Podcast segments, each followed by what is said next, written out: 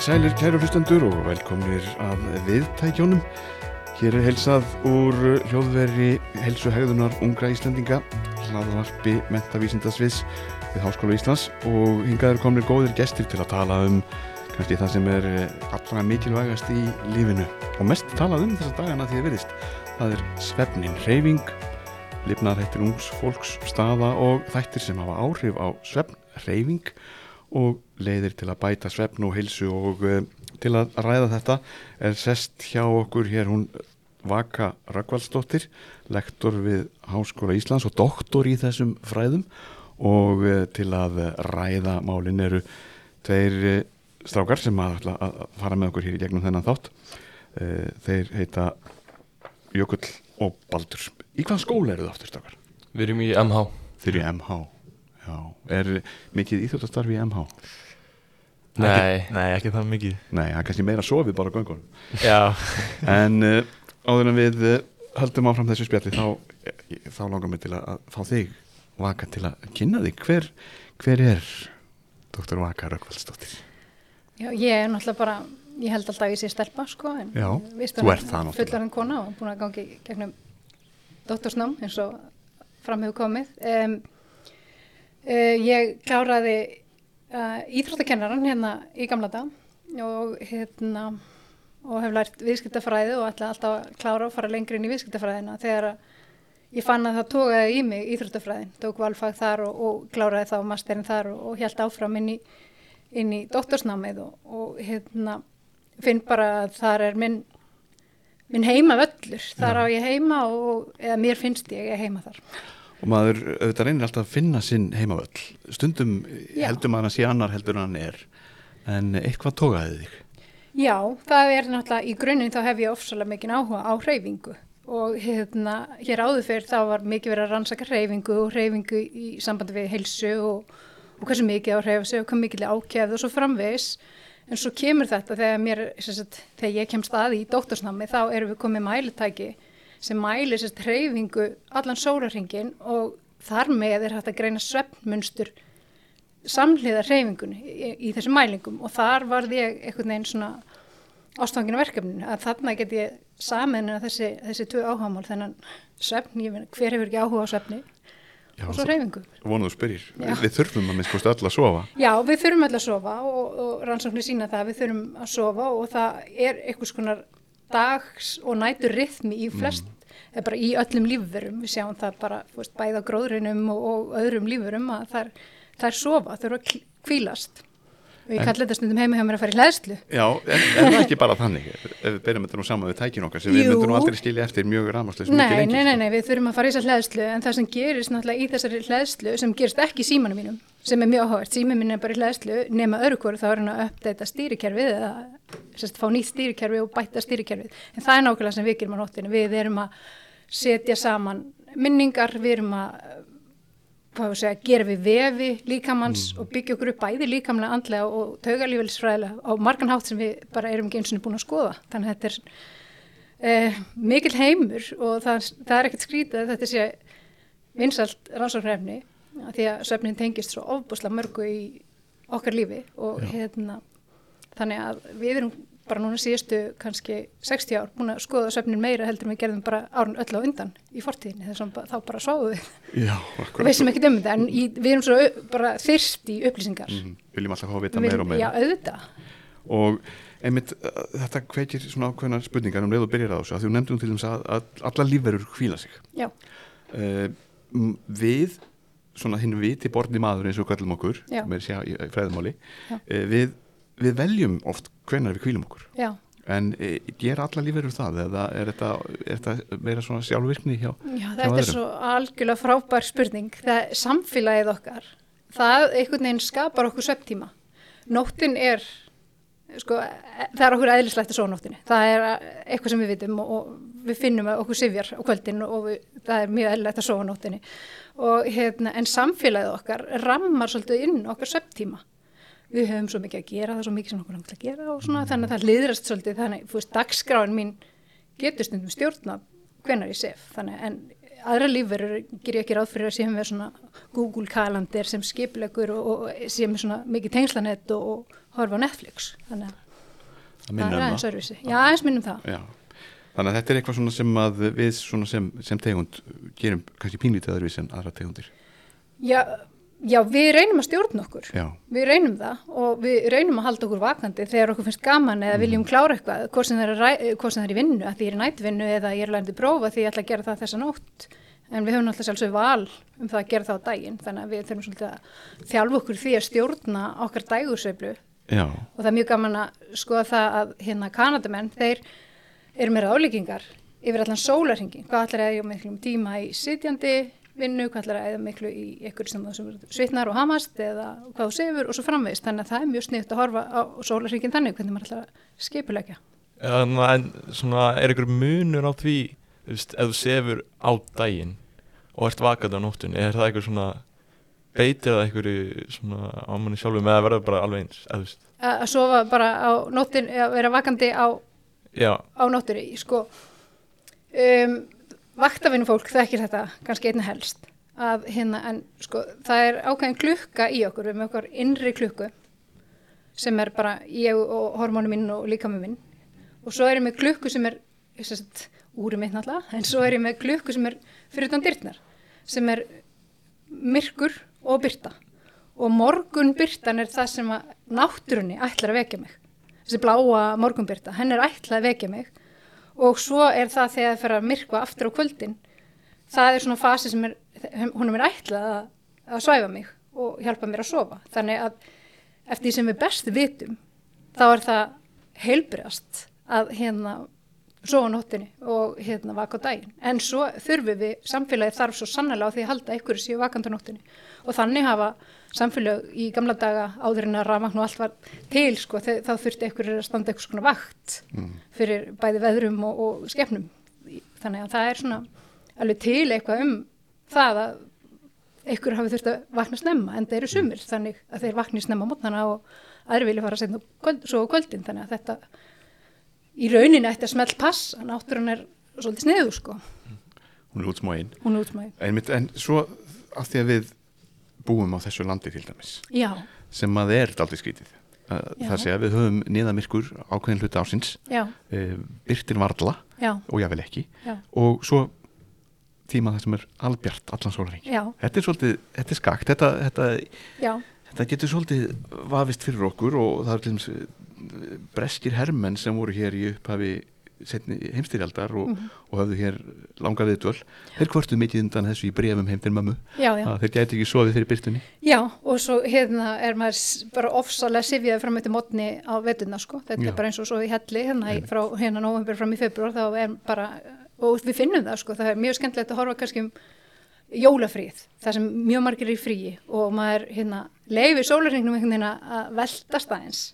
Hann getur velst alveg svakalega af því að það er svo mikið myrkur, það er svo lítill tímastillir í rauninni fyrir okkur, auðvitað erum við með ráftækin og ljósin og allt þetta, en við veltum söfnunum ekki, oftast ekki svona mikið á sumrin, sko. þannig að þessi byrta, hún er algjör uh, morgun vekir að klukka fyrir okkur og frábær tímastillir, en já, vissulega er, er, er þetta krefjandi verkefni að stjórna okkur þarna á þessum tíma. en þarna, hver er munurinn eins og það er alltaf mælt með að sofa í 8 tíma en just, hver er munurinn ef maður sefur of mikið eða of lítið Já, þetta er alveg frábær spurning, sko. Um, sko, ef ég ætla bara að sofa í dag lítið og svo mikið á morgun, þú ert ekki að tala um það? Nei, ég ég, sef bara, alveg bara alltaf sex tíma. just, ég er meina bara grunn just, hver er munurinn ef ég sef alltaf eða bara 6 tíma og 10 tíma Sko, ráðlíkingar byggja því að við sofum kannski hérna fullorðnir eða úlingar í kringum svona, veist, 8-10 tíma úlingar, fullorðnir 7-8 klukkustundir og svo eru einhver sem þurfi ekki nema 6, það er mjög sjálfgæft að þurfa bara 6 tíma. Það sumir sofi 6 tíma og svo um helgar þá svo er kannski 10 tíma. Þannig að þá í rauninni eru þeirra svefn svelta sig yfir vikuna. Þannig að í grunninn þurfa mjög margir 7-8 tíma og það að þá er maður kannski krónist svefn sveltur þá, þá líður þessum svefn svelta ekkert endilega vel. Hann er ekkert alltaf eins segja, hlaðinn og ekki búin að vinna úr, eins mikið úr sínu og, og ekki hérna, eins og til dæmis fólki í íþrótum er ekki kannski endurheimta og styrkja sig og, og, og hérna, vinna úr þeirri tæknivinnu sem það hefur lært eða námsmenn úr sínum algebru eða nýjum orðum sem það hefur lært í, í, í, bæði lífræði, elisfræði og öllum þeim fjögum sem þeir eru að kljást við þannig að, þannig að veist, það, er, það er ekki gott fyrir heilan og líka mann að sofa of lítið. Og maður veit að maður sefur of lítið ef maður þarf að sofa lengur um helgar.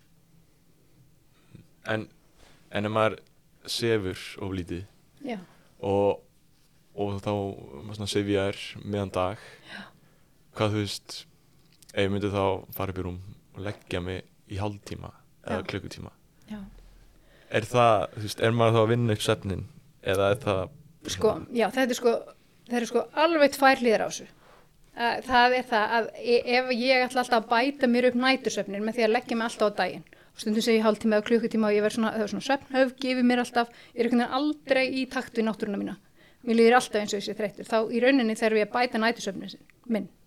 En öðru, öðru hvoru þá þarf ég stundum að leggja mig og það er frábært að leggja sig fyrir bara dags í kannski svona korter eins og segir eða eitthvað svona stuttan tíma. Bara ná svona orkublundi og hérna þannig að sko þetta er hérna tvíekisverð sko. Þannig að ef ég er að leggja mig kannski klukkan 6 rétt fyrir kvöldmatt og næ svo ekki að fa- fara í nætusöfnum minn fyrir kannski sent og síðan mér af því ég náðu svona orkublund á kannski tíma sem er rétt fyrir svefnin þú veist. Þetta er svo skrítið að þegar maður, veist, ef maður á smábann, skilur, þá er maður svo duglegar að passa upp á það að fara að sofa réttin tíma. En við erum alveg eins, alveg saman hvort við erum úlingar eða fullari fólk. Ef við fá, förum að sofa og leggjum okkur um klukkan 6 eða þá eigum við erfiðara með að sopna aftur á kvöldin. Þannig að stundum þarf maður bara blundinum að halda. Það getur bara vel verið, maður getur verið undir álægi og þurft blundin og, og hérna, blundurinn er alls ekki allslæmur, en maður kannski ekki að vinna með það að ég ætla bara svo ókslega stutt á nótinu til þess og svo bara sef ég aftur á daginn. Það var maður kannski búið til svona óreglu.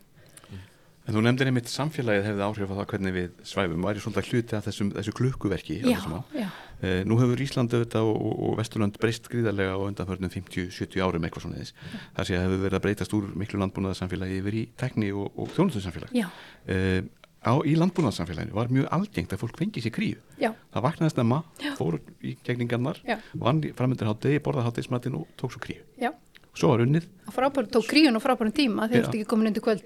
akkurat, Já. og svo var kannski kríja svona eftir middeiskaffið Já, og svo farað að sofa einhvern tíman á stíkanum tíma. já. En þetta samfélagið samtímars býður ekki alveg upp á þessa hegðun.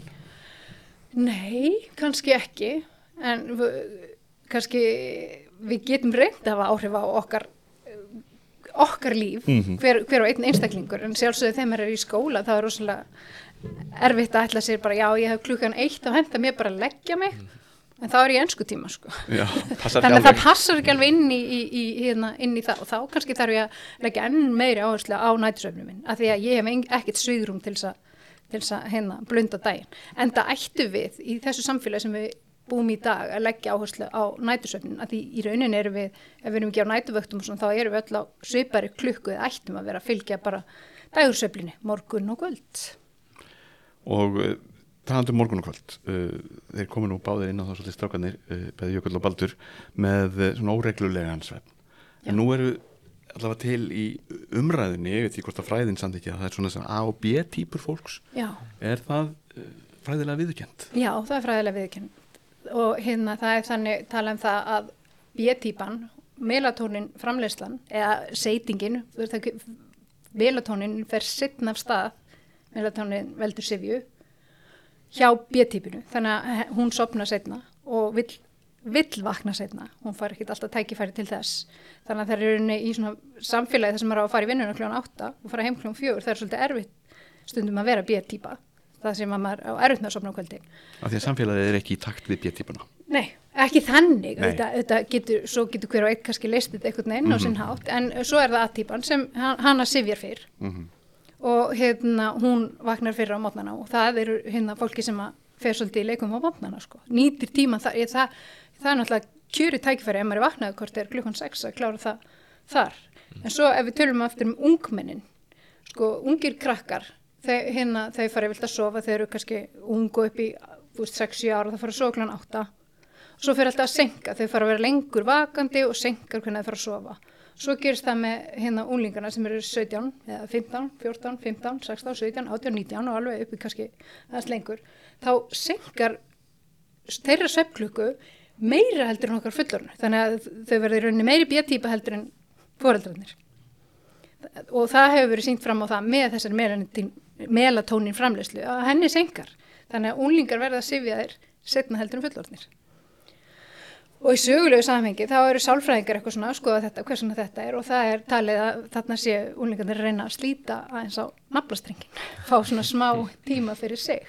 En svo hefst skólinn aftur klukkan átta þannig að þar þarf unlingurinn stilla sig, reyna að stilla sig inn á það að passa að ná sínum svefni þarna á, á þeim tíma sem býrst Já, ég er hann að pæla sko eins og núna þá er ég svona tímabilið sem skólinn er búinn var svona tvær vikur í vinnuna sem byrja að vakna kl. 8 aftur sko. og ég er svona að vaka það en setna Já. og sef að slengur og það er svona, svona orðið rútina Já. og síðan er ég fara að byrja að vinna aftur og fyrir að svo vakna snemma sko. er eitthvað svona betri leið þess að breyta rútinu til þess að koma sér aftur tilbaka á hún fyrir að byrja að vinna Já, Já sko Já, það er náttúrulega óbúslega gott að byrja bara að færa sig hálftíma, korter Já. Það fyrir eftir hvað þú þúli mikið fara fyrir að sofa. Betra er samt að stilla klukkuna fyrr á mátna mm. af því að þá svifið það á kvöldi. Það er svolítið ja. erfitt að segja ég fór að sofa klukkan fórst tvö, nú ætlum ég bara að sofa klukkan tólf. Þá munur það tveim tímum. Það er, það er svolítið mikið sko. Þannig að ja. það er ágætt að reyna byrja því að vakna fyrr Byr, vakna kortir fyrir hálftíma fyrr af því að þá svifið þið kannski fyrr á kvöldin þannig að þú byrjar á mótninum Sofa meira en vennilega, þú veist, er eitthvað slæmt í það? Að sofa meira í svona þessi frí eða? Já, ég er mér bara almennt, bara ef maður sé að sofa, þú veist, kannski ertu alltaf að sofa 8 tíma en svo byrjar alltaf að sofa, þú veist, 11 tíma eða eitthvað, veist, er, er eitthvað slæmt við að lengri svefn? Sko, yfirleitt eru þeir sem er svo lengri svefn, eru svona reyna, eru kannski orðin svona alltaf langtrættir og ef þú myndir halda þig á þinni klukku, sérst, þú færi kannski sem þú myndir fara að sofa kl. 11 alltaf, þá myndur þú kannski ekki þurfa 11 tíma. En að því að sko það er svo sérstætt sko að hérna þegar við erum að æfa íþróttir þá tökum við liðleika þjálfun, styrtaþjálfun og hraðaþjálfun og alls konar þjálfun. Og við bara vitum það alveg, já ég ger ekki þrek þess vegna er ég ekki nógu sterkur í þessu eða ég misti af tæknahefingunni, ég skildi ekki þessa klippu eða, og svo með matin, við sjáum alveg hérna, við vitum alveg við hefum ekki bara 12 appi sinu, við þurfum að breyta um sko, við getum bara mismunandi afverður en svefnin er algjörlega ósynlur og það hérna, við förum í gegnum svona svefn, uh, uh, söflur eða ringi á svona 90 mínúna fresti við nóttina. Þannig við erum í, í grunnum svefni og förum svona í djúpan svefn og aftur upp í grunnan svefn sem við jáfnvel vaknaðins og svo, svo förum við aftur í djúpan svefn. Þannig að það komur svona svefn ringir og við í meiri djúpan svefn fyrir partnætur og meiri svona grunnan drömsvefn undir morgunin og þegar við þvælum stróslega mikið um hvenar við erum að fara að sofa þá fyrir við á misvið kannski djúpasöfna sem við eigum að fá kannski hann að milli 11 og 3 á nóttinni við erum að þvæla svona með það og þá verður maður svo sifjaður af því að mað, maður hitt, fær ekki þú færst ekki þrekþjálfuna þín þú færst ekki djúpasöfniðin þú fórst að sofa þeim tíma sem söfnin á að vera grinnast og þetta er það sem er svo ósýnlegt í söfninum. Og menn er alltaf að skoða betur og betur. Það, að, það, hérna, að það skiptir svo miklu máli að fara að sofa á sama tíma og vakna sama tíma aftur daginn eftir. Þegar ég var ung þá var það þannig að ég svaf eins lengi og ég gæti út um helgar og náttúrulega ég stökustu vandræðum og sundum og sopna aftur og mándagurinn alveg bara ótrúlega erfiður sko. Og hérna í rauninni þurfum við svolítið átt okkur á þessu hvað við fáum endunarði söpn við það að fara alltaf að sofa á svipum tíma og vakna á svipum tíma.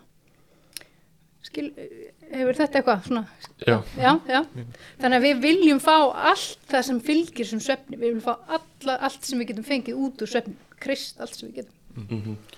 eh, nú er söpn alltaf tísku umfjöldunarefni eh, vaka og þú hefur sann ekki farið valluta því. Nei, nei, ég náttúrulega kannski heyri meira af því líka því að ég er með hérna, áhuga manneskum söpn. Já, já, það, það hjálpar til. Það hjálpar til. En það hefur ekki alltaf verið þannig og jáfnvel getur verið að svefn hafi lungum verið vannmetin sem, sem er með þetta, þetta mikla meðal og þetta, þessi, þessi enduníun sem að, Já, þú ert að fara yfir hérna. ofur, ofur lif og lengi býra fyrstu gerð það Já. er eiginlega setning sem hefur gengið gegnum alla þættina hér Já. í þessu hlaðarpi uh, ef að fólk byrjar snemma á æfinni á því að hunsasvefnin og kvíla sér ekki nógu vel og býr til eitthvað svona minnstur sem er bara óholt e, er hægt að vinda ofan að því? Já, já, já. Það er allt hægt Já, já, já, það, það er allt svona, það er til, uh, hérna, það er bæði til, sko, maður getur farið í, ho- í góðar sveppvenjur, búið sér til einhvern ramma, svo er náttúrulega hægt, ef maður næri engum takti, þá er hægt að fara í svona hugrana aðeinsmeðferð hjá sálfræðingi og bara hérna læra það hvernig maður á að fara að sofa og ná einhverjum góðum takti í þessu. Það er vissulega hægt og, og hérna fullt af svona hlutum eins og til dæmis að hætta að vera í skjánum og hætta að vera undir álægi sent á kvöldin e, fúst, og álæg er til dæmis, ég get verið mjög spennt ég get verið svona bara glöð og kátt og, og mjög hress sko. Þannig að ekki kannski mikið álæg á kvöldin bæði frá fúst, segja, tækjum eða að lesa fullt af póstum. Maður er ofta svona spjalltræði sem er ákveð eitthvað hvað að gera morgun og maður er spenntur og tímur ekki að fara út úr samtalinu. Maður er svona ná einhvern veginn að róa sig. Og í gamla daga þá mann eftir því að ég mátti ekki ringi í önnur hús eftir klukka nýju sko á kvöldin og þetta þurfum við kannski bara sem samfélag að gera, maður er ekkert að senda og spjalla mjög mikið eftir ákveðin tíma nema kannski segja góða nótt. Já, eins og sem ég gera sem er fallegt. En þarna eins og, húst, hvað er ekki bláuljósin sem eru í símónum? Jú, En, húst, eru þau, út af núna er mælt með að maður er ekki í símónum tvo tíma fyrir svepp, já. Húst, á, það við, húst, hvers vegna er það og, Já, það er að því að hérna, þessi bláa byrta er svona eins og, svolítið eins og morgunbyrtan sem er, er, er að byrja með um að vakna og örvar kortisóli mitt sem er morgunhormonið sem vekur mig upp og ég kannski er að reyna að vinna með melatoninni þannig að það er alltaf verið að seita kortisóli til þess að vekja mig. Og það eru náttúrulega til á mjög mörgum svona símtækjum það er hægt að setja á svona kvöldstillingu. Þannig að, að hérna þannig að byrtustíði símanum breytist og það er mjög gott að gera það. Á þetta við öll snjalltæki verða sjónvarp og Sko, mörgum finnst gott að horfa sjónvarpið og sjónvarpið er aðeins lengra frá þér en það má nú alveg dimma ljósin í kringum sig og ef sjónvarpið er snjált þá mætti nú kannski aðeins aðeins hérna deyfa eitthvað að byrti þar. Og svo er líka sko hvaða efnir ég að horfa á, það skiptir líka miklu máli. Að ef ég er að horfa á eitthvað sem að stressar mig upp, maður viðkynna það ekkert alltaf og maður veit heldur ekki alltaf hvað Nei, er veit heldur ekkert alltaf hvað er að hafa áhrif á mann hérna að vera stressandi. Og svo er þetta sítengda samfélag. Það er einhvern veginn, maður er alltaf einhvern veginn að, í samskiptum á netinu við einhvern annan einhver að byrja með að gera eitthvað. Og maður fær einhvern veginn ekki tíma til að klára sínar eigin hugsanir. Og svo kemur maður bara kottan. Og hvað ég þá að gera? Með mínar eigin hugsanir. Menn það er kannski að finna líka tíma eitthvað staðar til þess að klára verkefni mín sko. ég er búin að lenda próf, ég er góður eða góð, mér líð vel. Fúst, á morgun er ég að fara að gera þetta maður er svona svolítið búin að leggja út skipulagi sitt og fúst, ganga frá fyrir svefnin, það er ekki bara að setja upp þetta heldur líka bara svona að ganga frá öllu sínum að það tekur allt tíma og hérna, þannig að maður gerir það áður en maður leggst á kottan og þannig að maður getur farið svefnferki en svona eins og svona úr eða svona setnúr eða eitthvað svona til þess að mæla setnir er, mælt með því til þess að, veist, að fá betri setn eða hvað gerir það? Uh, svona úr mæla hreyfingar þetta er svona hreyfiúr og hérna út frá svona úri þá áætlar úrið hvenær þú ert sofandi og hvenær þú ert vakandi. Hins vegar getur alveg leið kyrr. Þú getur vaknað með nótt og leið kyrr og úrið hefur ekki hugmynd um það af því að áraðanlegastu mælingarnar koma úr svona heilarýrnu riti sem mæla þessar sveppbylgjur svona djúpa svefn og grunnarsvefn en það er alltaf að fylgjast með í úrinu sinu en í rauninni batnar svefnin ekki að því ég er með úrið. Þannig að við, en það er hægt að fylgjast með því hvort maður er að sofa nógu lengi og svo er hægt að skoða eitthvað svona áallan djúpan og grunnansvefn en hafa það í huga að hérna þú getur kannski verið að sofa vel en þú bara reyfir þig mikið í svefni og, og úri segir þú sofir illa. En, þannig að við metum það kannski líka svolítið sjálf. En það trublar ekkert úrið, já, svona úr. Er, sko, sum, það trubla sum fólk að vera bara með það get, þannig að það er hérna, ég til dæmis með svona úr og þetta er bara venjulegt úr. Um, það getur trublað og það getur trublað líka það að ég veit að ég er að mæla svefnum minn sko, þannig að það fer eftir Akkurat, hversu já. mikið já, þannig að hérna það er bara fyrir hvern veginn og það er gaman að fylgjast með þessu, maður getur líka skráð já, ég fór að sofa klukkan 11, vaknaði klukkan þetta það er líka að skráða þetta bara hjá sér ef maður ætlar að fylgjast með Jökull, þú varst með eitthvað meira? Uh, já, bara áður nú voruð að tala um A og B manneskjur. Er til eitthvað svona veist, fræðalegt sem er svona milli? Eins og veist, ég segilega oftast í djóki en samt ekki að ég sé svona ámanniska veist, akkurat á milli. Er eitthvað þannig fræðilegt að er þetta bara A og B? Já, þetta er frábær spurning. Ég segist alltaf að vera C sko. Ef ég vil að snemma að sofa og sofa lengi þetta er ekki þannig svo les eða eitthvað svolítið millisti sko jú, þú veist, þú getur verið A sem fyrir að sofa kl. nýju svo getur líka verið A sem fyrir að sofa kannski örrítið setna sko þú veist, þannig að við erum að hugsa um tilnefingu til þess að fara að snemma að sofa eða tilnefingu til þess að fara að senda að sofa meira þannig, flestir eru eitthvað stær á milli á B Mm. skilju, þannig að þetta er svona já Það er ekkert svona alveg klift á skori Nei, nei, nei, nei, það er svona tilhengu til þess að vilja fara seint að sofa, tilhengu til að vilja fara að snemma að sofa. En uh, uh, annað, önnur neysla. Tækin eru oft dálítið mikið til umræðu og, og ekkert óeðlegt við það. Hvað sagður þau? Tækin eru oft til já, já, já. græðunar sem við erum að horfa á alla já, daga. já. En hvað svo með mat, drikk, kaffi, Já, kók, áfengi jafnvel? Já, einmitt. Hvað á maður að, hvað á maður að varast og hvað á maður að gera svona Já, sofinu já, betur já, já, sko, hérna, það er ekki mælt með því að drekka mikið kaffi eða koffíndrykki, mikið af þeim, það er, hérna, ekki mælt með að drekka mikið meira heldur en tvo bolla á dag. Og drekka þá fyrir hátti og hérna, þá getur það alveg eins verið það sem heitir, veist, nokko eða kollab eða hvað heitir drikkirnir, sko, og þá verður maður að vega og meta hvað, hver er styrkur koffins í drikknum að hérna að drekka ekki meira heldur en magn svona tveggja kaffibólla og helst að drekka kaffi þá fyrir hátti að því að helmingunar tími koffins er svo, er svo langur. Þar að segja þegar helmingurinn á koffinu fara út, út úr blóðinu mínu þá líða svo ofsalega margir klukkutímar. Þannig að ef ég drekk kaffi klukkan fjögur þá er ég ekki búin að helminga kaffi mitt fyrir nóttina. Þannig að hérna þannig að það getur haft áhrif. Það er besta hérna vökumiðal vökumiðal. Já. En, en er ekkert sko svona, það er ekkert að fá kaffi um morgunin, það, er það svona, það er ekkert, er það mælt með því, eða er ekkert svona, Nei, það er ekki, Nei. það er ekkit verið að mæla með því Nei, að það er fólk er ekki koff, kaffi eða koffín, alls ekki verið að mæla með því, en ef að fólk drek, aðhyllist kaffi, að það sé þá fyrirpart dags Nei. og í, í, í svona hóflegu magni. En hvað þá með mat, hvað má, maður borða seint? Hvað má maður su- sko, um, það er, sko, við skulum byrja á þeim sem að vilja ekki, get ekki fara að sofa þeir eru svo svangir, er það ekki? Mm. Hvað gerum við það fólk? Byrjum á því. Það ekki bara tjekskak og mjölkuglas?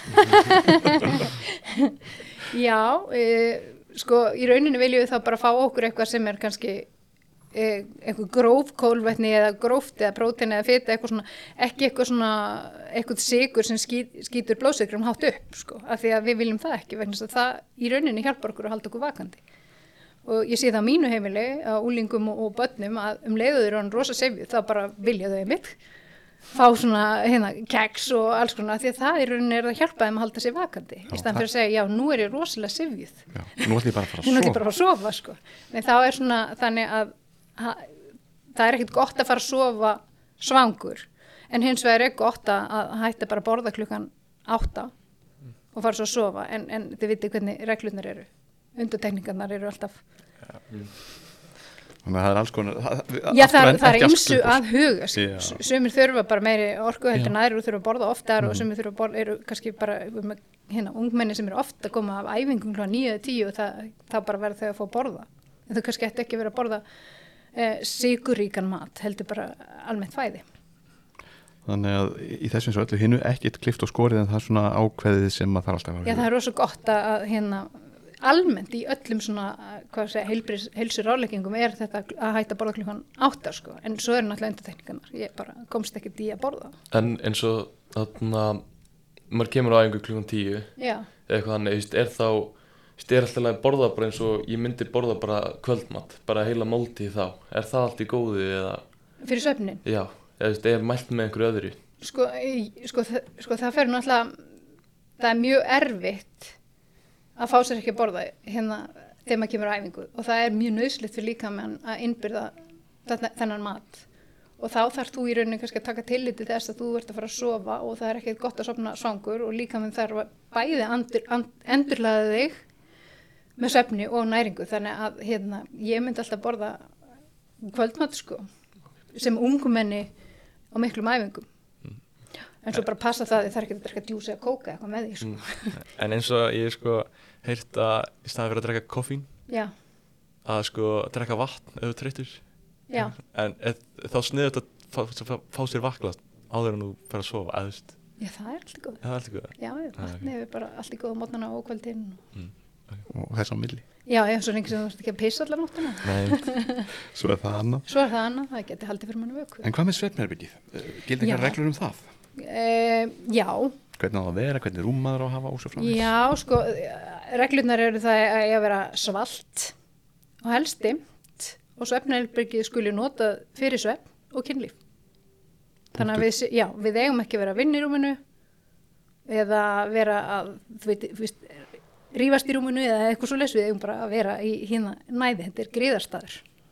og þannig á svefnherbyggið að vera? Já, skiptir máli hvernig það er á litin hvernig vegginnir eru málaðir Um, það er öruglega til einhverja kenningar um það. Já. Mér dreymir til dæmis um svart svefnbyrgi en, en, hérna, það er það nú aldrei strökkva já, en það er að því að ég vil hafa alveg myrkur en, en hérna, ég held að mennum sé frjálst að hafa það hérna. En oft er talað um svona róandi liti, það sé gott í svefnbyrgjum. einhvern tíma var það sagt ekki málaða raukt Já, já, já, svona aggressíft eða apsinugult eða grænt eða eitthvað svo les. og það kannski breytir ekki alveg Ég, sko, sko, sumir eru náttúrulega þannig að þeir leggjast á kottan og sopna. Já. Svo eru til típunar sem snúa kottanum svona og svo hins einn fara svo að skipta um kotta og fara svo í illa sokka, fara svo úr þeim og Mhm. mm þvitið. Þannig að, þannig að við skulum ekki gera þann sem að á heima í appisungunum herbyrgi og sopnar bara á sveipstundu, við skulum ekki gera, honum eitthva, gera hann eitthvað hrættan. Nei, og ekki komið upp sektarkend Nei, alls ekki. En má ekki eins og, þú veist, aftur, þú veist, með æfingarnar maður, veist, maður er kannski að keppa frá 8 til 10 eða á æfingu frá 8 til Já. 10 og það er maður svo, veist, Við skulum fara þanga. Ég, við skulum fara þanga, sko. eftir Já, er og eða líka bara almennt þá, veist, er stundur svo erfitt að sopna eftir það Já, og hva, er eitthvað, veist, já. einhver hjálp er svona leiðir Já, við skulum bara, hérna, við skulum ekki keppa á kvöldin. Nei, hérna, það, sko, þetta er líka hluti af einhverju sem er, við höfum verið að skoða. Að það er það, við vitum að reyfing er frábær. Reyfing á kvöldin er frábær ef hún er í formi rólegs jóka eða göngutúrs. Af því að það róar okkur og hjálpar okkur bara að ná upp svona sifju. En það að hérna, fara á æfingu þar sem eru miklu kappleikir eða talningum að keppi í íþrótt getur valdið uppnámi eða þú veist gleðivímu eða uppnámi vegna taps eða eitthvað svo les og jafnvel þó að bara leikurinn hafi bara, þú veist, jafnvel þó að þessi bara æfingakvöldi, þá er maður opbóðslega, ég veit ekki hvað maður segir reyktur eða ennsku tjúnaður og er það lengi fram eftir kvöldi og þá þarf hver og einn í raunin að finna sér eitthvað farveg í það hvernig við ætlum að reyna að ná okkur niður aftur þannig að það þarf að finna, veist, er gott fyrir mig að fara í heita styrtu og hvað ætlum ég að borða og finna eitthvað takt í rósi niður vegna þess að ef þú ert að koma af leik kannski klukkan tíu þá ertu kannski sopnaði klukkan eitt, tvö sko. Ekki rétt? Jú. Já. Þannig að það þarf svolítið að taka tillit til sín og vera meðvitaður um það en, og sjálfsögum myndum við vilja að við ættum svo mörg íþróttahús að við getum bara byrjað alla kappleiki klukkan 6 eða 5 sko. en, hérna, þannig, en, þannig við verum stundum svolítið að horfa í staðarindunar og þannig að það er bara kappleikur á þessum tíma. og þá komum við með þetta takt í samfélagsins Já, aftur já, að eh, fólk er að vinna þetta svona kannski 8 til 4 eða 9 til 5 það er Já. reyndar svolítið að breyta eða skólinn eða skólinn eða hvað Já. það er svona vinnudagur fólks Já. og þá tekur við svona einhver hamagangur Mhm. og svo aðeins meiri hamagangur því fólk fer sem við fara að spila fótbolta og, og jável með það sér svolítið og, og eða fagna og eða sirkja og Já, allt þetta. Við förum í leikús, við förum í bíó, við förum eitthvað, það er allt, allt svona aðþreying er meira að minna á kvöldin. Já, e, og sem að æsir okkur espar upp og gerir okkur svona bæði glöðu eða leiðu já, eða já, allt þetta. og þá er við að vinda, sig, vinda eh, það ofan af sér. Já. e, er, er þetta eitthvað sem að eh, samfélagi sem heildætt eitthvað að fara að huga að eða, eða er þetta bara spila í Ég held sko að við þurfum sko að setja okkur einhver mörg sem samfélag um það. Eins og til dæmis ég veit að það er alveg æðislegt að, að hérna ísbúður séu opnar til fúst, hálfa 11 og þessi opið í nammibarnum í hagkaup allan sólarhringin sko. En þetta ef það væri ekki opið þá væri ég náttúrulega ekki að fara sko. En fúst, þetta er náttúrulega úlingar verður að fá að vera úlingar og við verðum að fá að hafa gaman en hérna, við þurfum kannski líka sjálfa ef okkur að stilla okkur af ákveða hvernig það við gerum Já, hvenar við gerum hlutina og svona og það er líka sko fóreldra þess sem eru að horfa á, á kappleikin hefur, þeir eru líka æstir eftir leikin sko, þannig að þetta er, þetta er sko, eitt leikur getur haft áhrif á hundra manns Já. ef ekki fleiri sko. þannig að þetta er eitthvað sem að eh, þetta skiptir máli ofan á allt hitt Já, þannig að við þurfum kannski að skipulega þessa 24 klukkstundir sem við höfum. mm. Fara vel með þær Já, fara vel með þær og horfa fram vikuna og svona sjá hvernig við getum lagt þetta upp en um, sko reyfing hefur borið hér á góma og, og hún skiptir máli upp á það hvernig maður svo kvílist, er það ekki? En maður, kvílist maður öðruvísi ef maður stundar til þeim senga reyfingu? Já, uh, rannsóknir hafa sínt það að þeir sem að æfa og æfa jafnvel að mikilli hérna, ákjæfð þeir fá oft mjög endurærandi söfn, þar segja söfngæðin er oft mjög mikil, þú veist, þegar doksis orðin rólegur, þá er söfngæðin oft mjög mikil, þar segja með að vakna lítið og, og sefur vel. Um, e, en hins vegar tröflaða náttúrulega svona æfingar að kappi á kvöldi. Um, hvar voru? Við? Við vorum í hérna, já, Í Og- þannig að hana. eflir svefnin. En á hinbóin er það þannig að ef við sofum illa þá eigum við oft erfitt með að koma okkur í hreyfingu daginn eftir, af Mm. því þá erum við svo þreytt að við erum einhvern veginn það vantar svona einhvern veginn að við dettum í, í gýrin að langa fara á æfingu eða sérstaklega að við ráðum því sjálf sko. en stundum þarf maður bara að hérna, halda áfram að endurstilla klukkun og halda sinni rútínu og fara bara af stað inn í, inn í, inn í sín verkefni. Og ég vil að búina til og ég vil að þvinga sig í það Já, já, að því að hérna þessi við getum ekki alltaf látið svefnlausi nóttin að stjórna okkur alveg og leift okkur bara að leggja okkur allan daginn, heldur verðum við kannski bara að ná næ, næstu nótt, bara hérna búa til mikinn þrýsting á svefnin fyrir næstu nótt bara með því að halda okkar rútínu sem getur stund verið bara nokkuð krefjandi. En, en þú veist, er eitthvað svona mælur með einhvern veginn að halda mann, ef maður er með sveflis á nótt að halda mann er vakandi eða svona gangandi í gegnum daginn Já. þess að drekka kaffi eða eitthvað svona. Já, það er rauninni kannski bara að standa upp og, og fara út að fá sér öru kvoru. Svo ef maður nærði að taka smá orkublund, bara fyrir kannski tvö á daginn, þá gæti maður náð því, en það er ekkit allir sem náð því þe- þegar við erum í skóla eins og, eins og vorum að tala um. Þannig að það er standa upp, drekka vatn eins og það er, það er hérna kallt vatn og, aðeins að vera svolítið ferskur og reyna að halda svolítið í við það að borða hotla fæðu, af því að þegar maður er hérna illa sofin, þá er eina sem maður langar í er eitthvað svona þið veitir, svona orka sem fer með hratt upp svona sigur með háum sigurstölu svona eins og salgæti eða gós eða báariti eða eitthvað, þá langar mann mest í svo þannig að maður þarf svolítið að, að reyna stjórna þessu til þess að ná svo aftur þessum góða svefn þrýstingi kvöldi eftir. Og hérna, þetta er svona, ég hugsa, hugsa þetta stundum ef ég svef illa að ok, nú á ég vona á mikilli sifju í kvöld, ég hlakka til. Maður verður, ég, maður verður bara einhvern veginn að vinna með þetta líka mér vinnur sjálfur úr þessu. Yfirleitt eða hvað? Já, en, en náttúrulega margar söfnlaus og nætur þá þarf maður í raunin að fara að skoða aðeins sinn gang, hvað það er og fara að vinna úr því ef það er streyta eða eitthvað annað. og fólk er undir álægi af ýmsum ástæðum. Já, Eh, fólk á framhalds og háskólaaldri og þessum, þessum svona frum fullónis árum já, er oftast að undir álægi út af náminu sínu. Uh, jafnvel einhverjum íþróttaæfingum.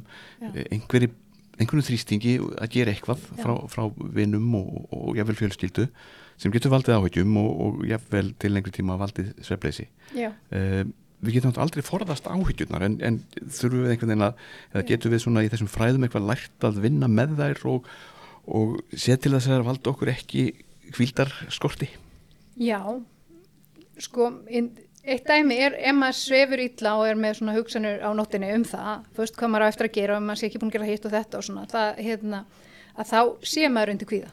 Maður er með, með kvíða þegar maður getur ekki sofið vegna að maður er að vakna upp með alls konar svona spurningar.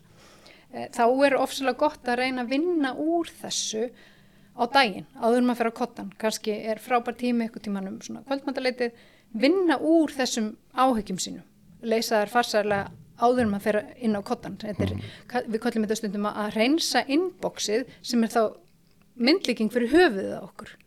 Ég er ekki að reynsa inboxið í hérna, skilabóðanum mínum, ég er að hugsa um hugsanina mínar, af því að það er svo mikið stundum að gera og maður kemst einhvern veginn ekkert í sínar eigin hugsanir fyrir álægi að, og, hérna, og svo er ég náttúrulega einstaklingu líka þannig að vinna svolítið úr því og leysa farsarlega þess að ég þarf að gera fyrir morgun ég er búin að læra með mjög gangi á ágilla morgun eða ef mér gengur ekki vel þá bara ætla ég að gera þetta. Og svo ætla ég að gera þetta. Og bara leysa vandamálið. Þannig að vandamáli kom ekki á nóttinni við ráðum ekki við vandamáli nóttinni. Og svo hitt náttúrulega töfrabræðið að reyna að koma sér í þá aðstöða maður Sé svona stressað. já, já. Er það hægt? Nú spyr ég bara svona eins og, eins og Já, það, er er hægt. En það er mjög krefjandi að því að Já. við erum bara félagsverur. Já. og okkur finnst gaman að vera allstaðar og gera ýmislegt. Og okkur finnst hérna, gaman að byrta myndir á okkur á samfélagsmiðlum og, og gera alls konar hluti þannig að en við verðum að reyna stjórn þessu og, og hérna, takmarka Mm -hmm. Okkar eigin orkulind af því að það fyrir mikil orka í það að vera með áhyggjur. Það er mikil, og það er orku þjófur því að það, það, er, það er ekki uppbyggilega orka sem að er, er að fara nei, nei, nei, nei. En eh, svona, með svona rannsóknir, af því að við ætlum nú aðeins að koma inn á það líka vaka, hvernig, hvernig er þetta gert? Þetta hefur verið að þróast um eitthvað áratuga að hvernig svefn og, og kvíld og, og samspil, reyfingar og, og mataræðis og, og, og kvíldar er. Eh, Hva, hvað er gert? Hvers konar rannsóknir eru þetta? þetta er allavega Já, alls konar. Fyrstu rannsóknir eru þannig að þú færð kannski spurningakonun eða lista þessum þú skrifar inn klukkan hvað þú fær vennilega að sofa hvernig þú vaknar vennilega morgni og stundum um helgar, mismun á helgum og, og virkumdum um, hérna, og þannig var það lengi vel mælt. Í dag eigum við svona heila lí- línurut og við eigum svona hvað við segja, við eigum alls konar hérna, tækja tól. Mikið hefur verið skoðað í þessum hreyfimælum eins og við erum með um, sem eru rauninni tölvert einfaldar rannsóknir, þú fær svona hreyfi úr á, á handleikin sem eru ekki með, þú veist það er bæði til með viðmóti þannig að þú sér það eitthvað og líka með lokuðu fyrir, það sem er unni úr þess, þessum svefn, svefni og, og hreyfingu um, og svo eru aðra rannsóknir sem eru gerðar sem hafa í gegnum tíðina verið gerðar á rannsóknstofa með upp á spítala sem er núna farið að gera heima fyrir fólk þannig að það er ímislegt til og og, og til dæmis það sem hún nefndir hér fyrir þessu spjallivaka var til dæmis þetta með uppbyggingu sepsins Já. þetta eru er orðið svona kannski alkunna í dag en Já. þetta eru samt ekkert mjög þetta er ekkert alveg sko ekkert eldgömmul þekking Nei, nei, nei, nei, nei. Og, og bara allir að spyrja mig hvað, veist, nú er djúpsöfnin minn svona, er það eðlilegt og, og svo framvegis, sko. akkurat. Þannig að henn, hérna, já. Og, en í okkar rannsóknum hefur við verið að vinna með þessi reyfur og tengja við svona heilsufarslega þætti og hérna eins og hún Rú- Rúna Sif, kollegi minn kemur inn á það og tengt við, veist, e, námsárangur og fleira, hvernig svefnin tengist því og svo hefur við verið með tengsl millir reyfingar og íþrótta og svefns og, og, og hérna og hérna ég skoði líka um, fytuprósentu og svefn. Og það er áhugavert að þeir sem að sofa mjög óreglulega, það er óregla á svefninu þeirra, þeir hafa meiri tilneingu til þess að vera með fytusvefnin þegar þeir eru ekki hitt veit náttúrulega ekki alveg nákvæmlega hvernig, hérna, hvers vegna það er en það er hægt að draga álættanir að manni líði ekki eins vel það eru vísbendingar um það. Það er vísbendingur um það, en manni líði bara reynlega eins vel, maður er, er ekki eins mikið eða vel upplæði til þess að fara að reyfa sig og mann langar frekar í einfaldan mat. Eitthvað svona sem að lifti mér upp. Já, tímabundi, hratt og vel, hratt og vel. já, já, Já, það er kannski ekki mjög vel en hrattan sko. hratt, já, en eh, sko það er kannski ekki til dæmis þetta, eða ég veit ekki eh, þarf ungt fólk til dæmis á aldrei við Jökul og Baldur og kannski svona eitthvað framöndið 30 að ágjör hlutum eins og kæfisvefni er það þekkt Já, hjá já. þessum aldurs já, já, já. og smáböndum líka sko. Já. Og svona miklar rótur Mhm. það mætti skoða það það þarf að, hérna, væri gott að láta skoða það fyrir framtíðina, að hérna hvort er hægt að skoða það, hérna en þá fer maður í söfnmælingu inn á hjá lækni fær ávísunin upp á það að fara í svo les en það, þetta þekkist líka hjá smáböndum sko. að þau hrjóti? já, þetta er oft hérna stórir kirtlar og svona Já, akkurat, alls konar sem, að- já, og eru þá með svona eins konar kefisöfn hjá Já, smáböndum sko. sem er alveg. ekki holdt það trublar svakala svefnin og svefgæðin og hefur mikið áhrif á blóðþrýsting og annað í líkamannum þannig að það er mjög, mjög þreytandi en, en ég sko ég hérna það var svona smá vandamál þegar ég var í sumar sko, fyrir sumar þá, var hann að fyrir að sofa já, og vaknaði oft bara klukkan fjögur um nótt. Ekkert endilega, ég veit ekki hvað var að.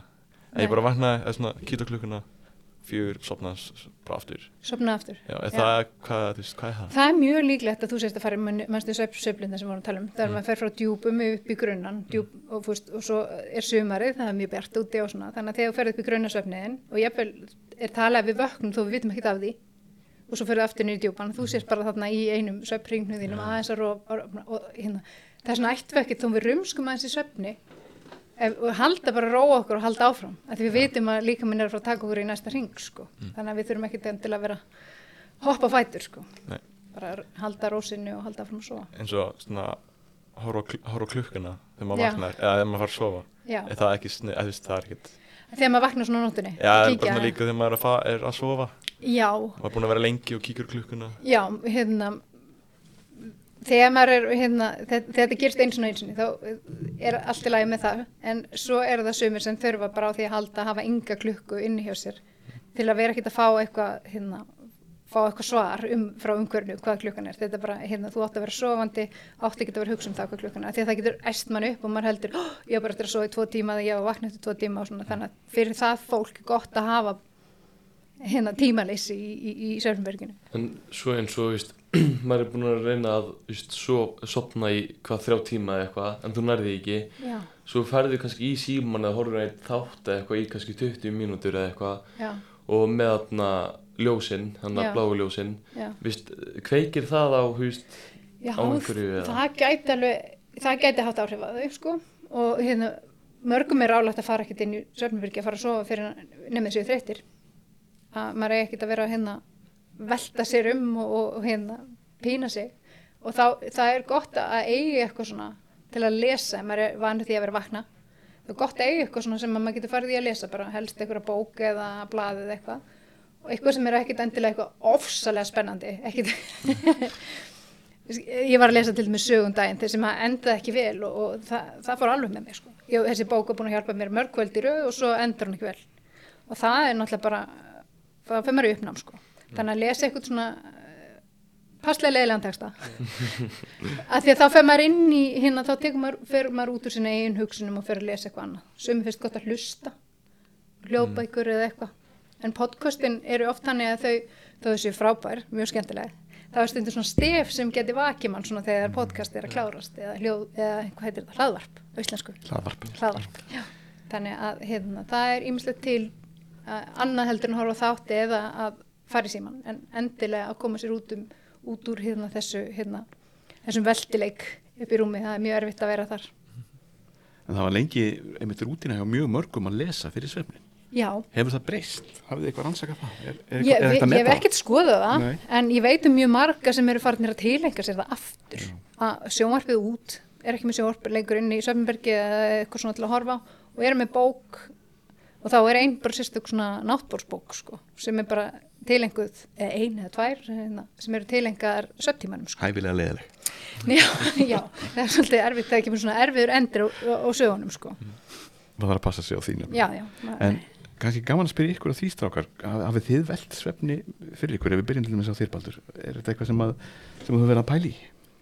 Já, eða sko ég, ég sko ég reyna alltaf að að sofa tíu tíma. En síðan eins og sko ég er mikill köruboltamæður og horfa á köruboltaleiki í bandaríkunum, eða þeir eru samtalað síndir í bandaríkunum Já, sem eru ekki á vökutíma Nei, Íslendinga. sem eru alls ekki að veiku tíma Íslendinga og þá sko þá, ég horf samt bara á liðið mitt. Og þá er ég oft svolítið vakandi til lengi sko, eða svona vakandi til eitt, tvö. Og ég svona þá vakna ég snemma. Og þá veldi ég á til mér sko ætli að taka eitt, veist, eitt svona power nap?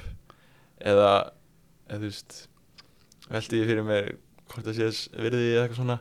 En það er svona einu skiptin sem ég virkilega svona tek mig úr rútínu en annars er ég alltaf samt bara svona að reyna að hafa 11, 10, þá er ég alltaf svo það sko. annars er ég ekkert svona mikið vandamál með það sko. En hvað með Jökul? uh, bara svona já og nei sko, maður pælir í því svona stundum eða svona inn á milli en eins og veist núna erum við í prófum og þá er ég núna alveg að pæla mjög mikið veist, þá veist, vakna ég hvað klugan tíu en svo á maður eftir að fara í þetta dæmi þetta og þetta, þetta og þá veist, lengist þarna tímin og þá er ég alltaf farin svo klugan eitt. En svo veist, eins og ég hef lesið um að þarna því betri, betur veist, því meiri djúpsvefn maður nær því meira nær maður að stimpla inn í heilan fyrir prófið. Og þá er ég svona að reyna að passa bæði. Og hvað er glöð að heyra þetta. Er það ekki? Jú, þetta er eftir það að sofa vel nóttina áður en þú fer í hérna, nei, hérna áður en þú fer að læra. Og sofa vel svo þegar eftir þú er búin að læra. Það er, það er besta svona myndir þú segja að það væri meira verið að að þú veist sofa í eitt klukkutíma meira eitt klukkutíma eða læra en að læra eitt klukkutíma það fer svolítið eftir hvað prófust það er ábærslega erfitt að meta það svona Já. þannig. En svo ég vil bara kannski koma aðeins inn á þessum við talum aðan hérna, þetta samfélagið og, og hvernig maður fyrir að sofa virkadag um helgar.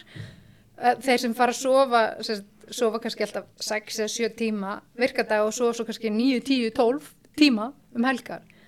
Og líður svona eins og við erum að tala um að maður er erfitt að fara að sofa það, það er kallað hérna á ennsku social jetlag Já. það komið bara hugtak yfir þetta að þetta er svona þessi síþreita sem hrjáir mann af því að maður er alltaf að reyna að ná þessu upp um helgar og svo kemst maður ekki aftur í, í, hérna, í rútínuna sína á, á sunnuði deg þannig að þetta er eitthvað sem við höfum líka mikið skoða sko. þetta er svona mjög algeng bara mjög, al, fó- mjög margi sem kannast þetta. Þekkið þetta strákar?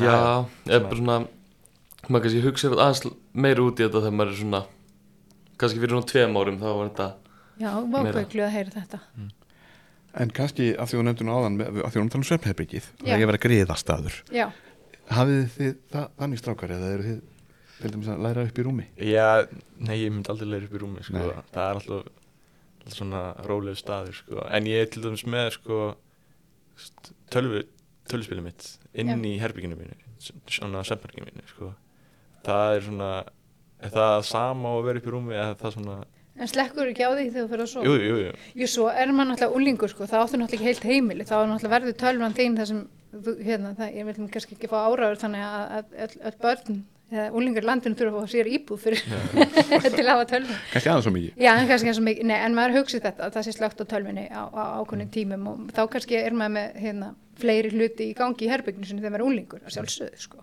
Það er líka félagslegu staður. Og þá þarf maður kannski bara að vera góður í að skipta um gýr já, að því að þú veist skipt yfir. Þú veist nú er hérna, hérna svefnhamur á herbygginu, nú er hérna erslagangur hér eða tölvileiki hamur þannig að en hérna það er nú kannski ekki alveg hægt að hérna ætlast til þess að þið eigið sérstakar stofu fyrir tölvileiki, Stýtti stóðum í það samt. styttist í það. En Jökull, eh, sama með þig, er ekki þitt griðastaður eða hvernig, hvernig, er, Ég hvernig erum að litast? Ósamlega því sko, það er eins og þegar maður er kannski búin í skólanum og þá fyrir maður kannski bara inn í herbyggi í tölvuna og þá kannski just, er eitthvað í gangi frammi og þá þarf maður kannski bara að taka just, nennir maður ekki fra, vera frammi þá kannski bara teki just, kannski disk og borða og horfa. Þá just, er ég búin, búin að bæta just, afþreyingu í herbyggið og matarstað. Og svo kannski líka ef sé komið svona kyrt frammi klukkan er kannski tíu eða eitthvað og mér langar kannski bara fara í smá æfingu eða eitthvað og þá kannski ger ég það líka inn í herbyggi þá myndi ég vera ósamála því sko Já, en það er náttúrulega úlinsárun þegar maður er í rauninni á heimi í einu herbyggi sko. þá hérna, verður maður að hafa sagt, þá er þetta ekki bara svefstæður, þetta er líka staðurinn þess að þú stundar ímislegt alls konar, þannig að það er kannski bara spurningum að ákveða okkur í nú, klukkan tíu og kvöldin, nú er þetta að fara að verða nú fer herbygg mitt í svefnham og hérna Mm. Svefnhamur. já, er það ekki bara fínt? Jú, það er skemmtilegt. En einmitt þetta, því að, já, þetta er svona, svefnherbyggið er heimil unglingsins. Já, og kannski meira heldur en heimili barna já. eða, eða fullorðina sem Já, er eiga þá börn- yfir þetta yngri börn eru mjög mikið frammi að hérna, eða ekki, þegar maður er þannig og svo vil, vill maður aðeins meira næði mm, eftir sem að maður verður fullorðnari. Akkurat.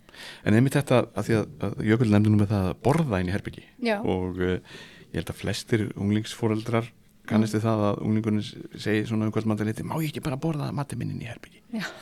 Þá var það sem kannski ekki beint tengt svefninum þá var kannski komið inn í svefnherbergið sem Já, já. svona griðasta Já, uh, á þetta, má þetta vera almennt hvernig, hvernig er einhver, einhver skoðun á því innan sko, fræðina? ég, sko nú eru heimili landsins svo ofbóðslega misjöfn. Við, erum, við búum með svo mismunandi fólki við erum með svo mismunandi samsett fjölskylda. Mhm. að við getum ekki alltaf dreigið eitthvað eina línu um það allir er að borða kvöldmati sem við kvöldmarðaborðið og svo kannski er úlingurinn bara nýkomin af æfingu eða eitthvað. Þannig að ég, hérna, ég hugsa hvert heimili veður náttúrulega að hafa sína reglur með það, en auðvitað er miklu betra að borða bara, stýttra í upptöðölina inn í eldhúsi Óneitanlega. Og þá er maður líka bara fljó- fljótur að klára verkefnið sko og það er ekki að ganga frá eftir sig þannig að ég er nú kannski aðala, aðala það að diskarnir koma ekkert mann upp aftur. Það fóröldarnar að finna fullt af leirtegi út um allt á dulaföldu stöðum það er svona, það er svona allavega það sem heim hjá mér er svona, það svona vest að það er svona kannski diskar frá í fyrra dag og svona Já, eða jáfnvel en þá eldri. Já, já, sem er aldrei dula fullt, það er svona eins og forleifar bara. En við erum búin að fara í gegnum ímislegt í þessu spjalli við hana vöku, Jökull og Baldur. Eh, Það er þetta að sopna og vakna á sama tíma. Forðast að leggja sig við daginn um östutastund Þetta er allt saman búin að nefna. Mm. Dragur neyslu koffíns uh, og, orkudrykja eftir klukkan tvö á daginn Var það ekki jú, tíminn sem þú nefndir? ég tala um helst fyrir hátegi Já, helst fyrir svo. Þú, þú, vilt, þú vilt vera bara svona snemma í þessu, klára þetta bara snemma. Uh, Fórnast að borða á kvöldin eða hvað? já, eh, ná- náttúrulega með undartekningum Já. og hérna við viljum náttúrulega ekki fyrir söngi háttin Snjattækin að, að svona vinda ofan að þeim snemma? já, já. Nógu snemma fyrir svefnin og snjallleikjum öllu álægu og áhyggjum. Þau brandir kannski svipaðan hatt og hérna, þeir sem eru að koma að æfingu þurfa að finna sér leiðir til þess að komast í svefnham Fórnast mikla áreinslu og átök. Já, uh, og uh, nú eru eins og við vitum æfingar ofta á kvöldin og ímissi afþreying önnur. Uh, þannig að en þetta á kannski við svona almennt er það ekki, hverju kvöldi að já en ég hef heyrt, ég hef talað við nokkur íþróttafélag og þá eru er stundum þau sem eru með enna, eldri úlingana svona svolítið seint og, og það er stundum hægt að fara í svona lástemt tegjur eða jóka eða slökun bara með hópnum í lokin sko, íþróttafélagin geta unni með það. En eftir kappleiki þá kannski er ekki stemning fyrir því. Það er svolítið að metta það. Og við, þú nefndir líka þetta að finna eitthvað að lesa. Eitthvað nógu, nógu lítið spennandi fyrir með eiga, til vara, eitthvað svona nógu lítið spennandi. Já, og uh, hann var dimmt kyrkt og svart í svefnherbygginu en eitt erum við ekki búin að tala mikið um. Nei. það er beðunni sjálfur, það er rúmið. Já, það er nú eitthvað sem skiptir máli já, jú. Það ertu að menna í hvernig rúmi eigum að hvernig sofa? rúmið og Já. sofa? Því að í, sko, ég hef svolítið á tilfinningunni að fólk sé alveg til í að fara jáfnvel og að uh, kaupa sér uh, kápu sem kostar 150 skall. Já, en lætur sér svo döga að sofa í dínu sem kostaði 30.000 já, já, ekki það að hún þurfa endilega að vera vond en, en við það er svona allavega ekki verið fyrir kannski setni ár svona kapp kostað að velja rúmið af, af svona, þannig að það sé gott Já, uh, það er náttúrulega mjög personbundið. Sumir Mhm. vilja hafa alveg ofsalega einfalt rúm Mhm. og hafa 30 skona dínu eða, eða jáfnvel ódýrari dínu og finna voðalega lítið fyrir því. Að meðan aðrir þurfa kannski þéttan stuðning og, og, og, og, hérna eitthvað annað til þess að hérna aðstofa við svefnin. Um,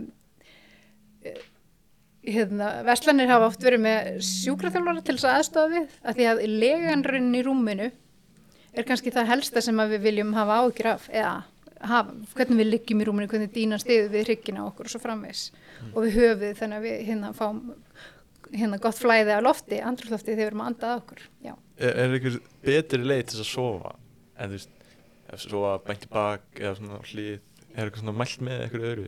það er hérna bara eins og þér finnst best að sofa. Það er bara þannig. ég að koma sér fyrir góður stellingu og hérna yfirleitt reyfum að sig yfir nóttina og breytir um stellingu. Já, og líka minn ætti að sjá um sig sjálfur hann gerir það nefnilega að mestu Já, leiti já, en við þurfum samt líka að hugsa um hann við megum ekki bara segja að hann bara sér um þetta þessi, þessi gaur já. Þannig ef maður þarf sér, sértakar ráðleggingar varandi hryggin á sér eða eitthvað Mhm. finnur til eitthvað þá er um að gera að fara og máta rúm og, og, og, og ráðfæra sig við fólkið í, í, í þessu verslunum sko. og breytist það ekki kannski með aldrinum eða hvað Jú, jú, við verðum nú öll sérvitrar með aldrinum, Já. það er bara þannig og líka með okkar líka og náttúrun okkar þannig séð, þannig að hérna, það breytist mikið með aldri. um, og kannski annað sem við veltum líka fyrir okkur stundum það er til dæmis með fólk sem er búið að búa lengi saman. Þá allt innu verður svo óskupi að sofa bara sitt hverju herbygginu það þýðir ekki ástin hafi minkað eitthvað heldur ekki. kannski bara einhverja breytingar. Já, já, uh, þetta er eitthvað sem er líka verið að verða já, samþygt já. Að hérna ef að annar, annar aðlinn er til dæmis hérna á annar svefnglukku fyrir að sofa eða fyrir að sofa eða rítur eða sér mikið í svefn og trublar svefn hins aðlans þá, þá er þetta hérna ágætis ráð fyrir fólk. En sumir hérna eiga erfitt með að hérna hvað að segja uh, finnst þetta eðlilegt sko en þetta, þetta verður að vera eðlilegt eins og annað. Og þetta þarf að ræða. Þetta þarf að ræða þetta þarf að ræða. Eins og svo margt annað. Já. en, en vaka svona þessi aldurshópur uh, og börn og unglingar. Nú að, alltaf að vera algengar og algengar að fólk á þessum aldrei eigi nú bara sitt herbyggi en uh, sumir þurfa nú kannski að vera í herbyggi með sískinni uh, og af því að sískin geta verið ólík já, já. það getur, getur valdið einhverjum tröflunum eða hvað? Já, kannski er að fara sofa sig ykkur Já. tímanum um, það er það kannski veist, ef einhver er svefn styggur og vaknar auðvitað, þá eða hérna, þannig, það getur trubla líka. En við venjumst nú öllu sko. Sérstaklega börn og úlingar þeir hérna er, venjast þessu vel sko. Til í hvað sem er Já, ég segi það nú kannski ekki sko. Nei. ég segi það nú ekki. Kannski of djúpt í árið ekki Mm, Já, en það fyrir nú að styttast í þessu hjá okkur. Það búið að vera óskaplega gaman að hafa ykkur hér í spjalli Vaka, Jökull og Baldur. Er eitthvað sem að ykkur langar til að varpa á hana vöku áður en við hverjum hana?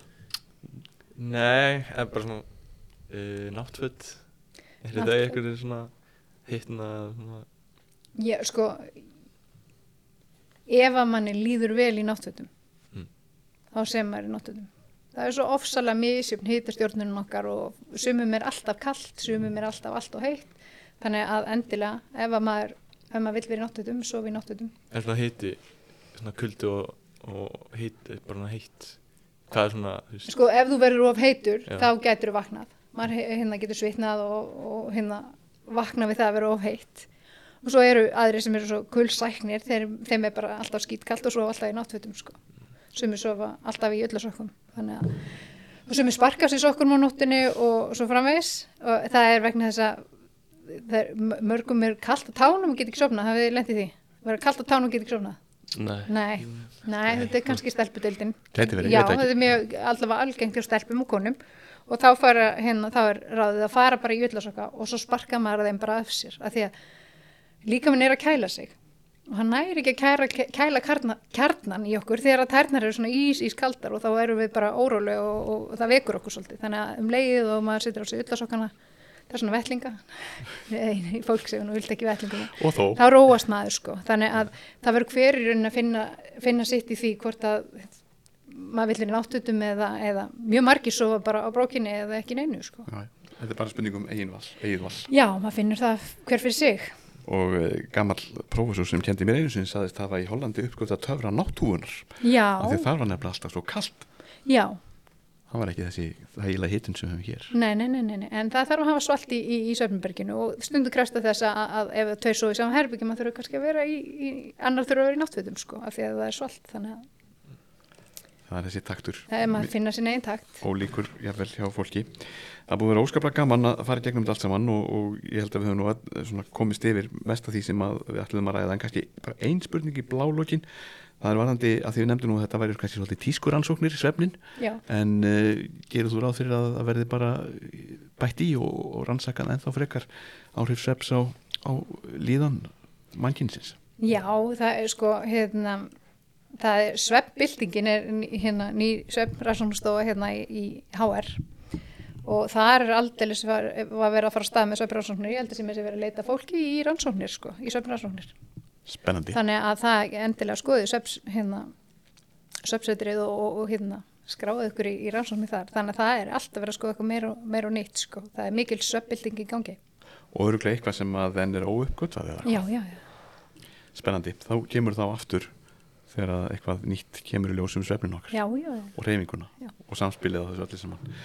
Kæra þakki fyrir að vera með okkur Vaka Rökkvaldsdóttir og Jökull og Baldur nefnendur í MH gaman að sjá okkur og ég sé bara góða nótt. Það er ekki vel við hæfið svona í lokin þó að það sé ekki alltaf nótt hjá öllum þegar við erum að kveða þessu sinni.